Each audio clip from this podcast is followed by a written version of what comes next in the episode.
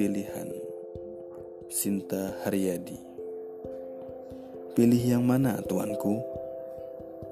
Menghabiskan 12 jam setiap hari dengan orang yang mengerti bahasa tubuhmu Berbicara bahasa ibumu Memungut hatimu yang jatuh Mengelus dan mengembalikannya padamu Atau menebak-nebak bahasa tubuh dan bahasa asing yang keluar dari mulutnya, melempar hatinya ke dasar sumur, ujung bumi, dan memaksamu memungutnya berkali-kali.